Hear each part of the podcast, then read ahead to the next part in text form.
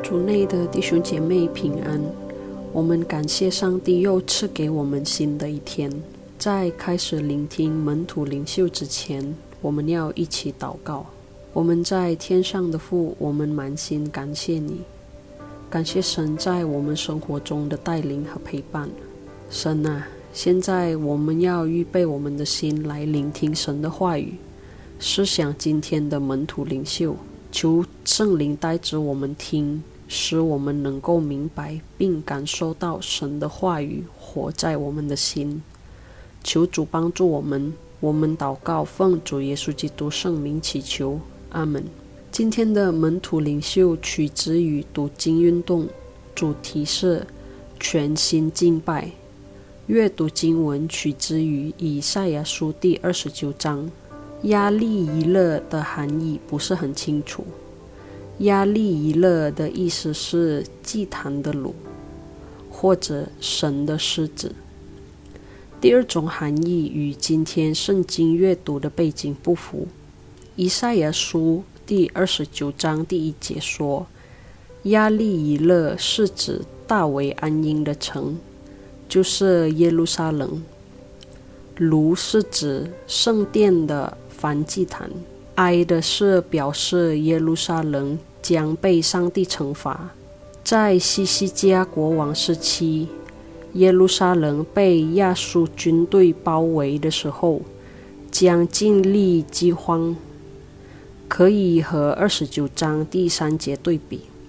然而，在西西加国王谦卑自己之后，上帝使亚述军队逃跑。上帝的帮助的到来是突然的，就像自然灾害的到来一样，并且非常强大。我们将在以赛亚书第三十六到三十七章中读到耶路撒冷的围困预言的实现和上帝伟大的帮助。当亚述军队围攻耶路撒冷时，上帝为何允许犹大国王的人民面对饥荒呢？可以读历代之下三十二章第十一节。那时犹大国王的统治者是西西家，是个好国王。尽管西西家王是个好国王，但在西西家王的父亲亚哈斯统治期间。犹大人民的灵性已经受到损害。对上帝来说，当时的犹大人民是为君之国，他们的话与他们的内心不同。他们的崇拜是虚假的崇拜，外表很好，但实际上他们并没有全心全意的敬拜。上帝渴望他的子民全心全意的爱他。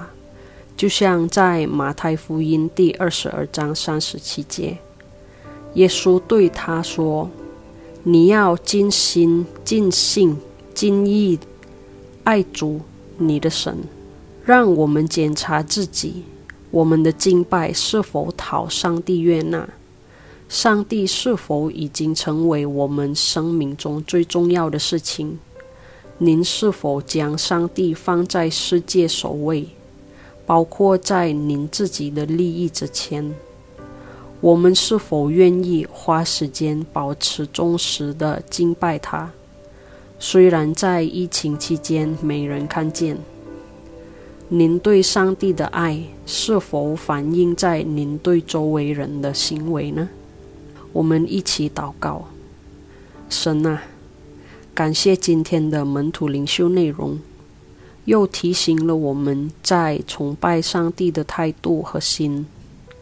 在这个疫情的期间，可能对一些人影响不大，所以让他们渐渐的远离上帝。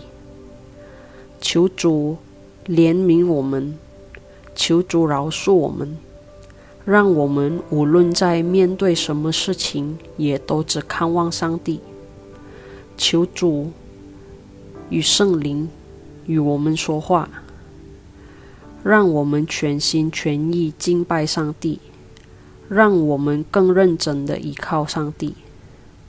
求主在我们生活中的带领，我们祷告，奉主耶稣基督圣名祈求，阿门。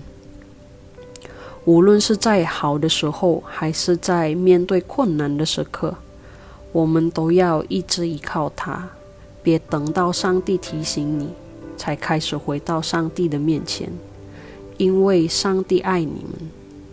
祝大家周末愉快。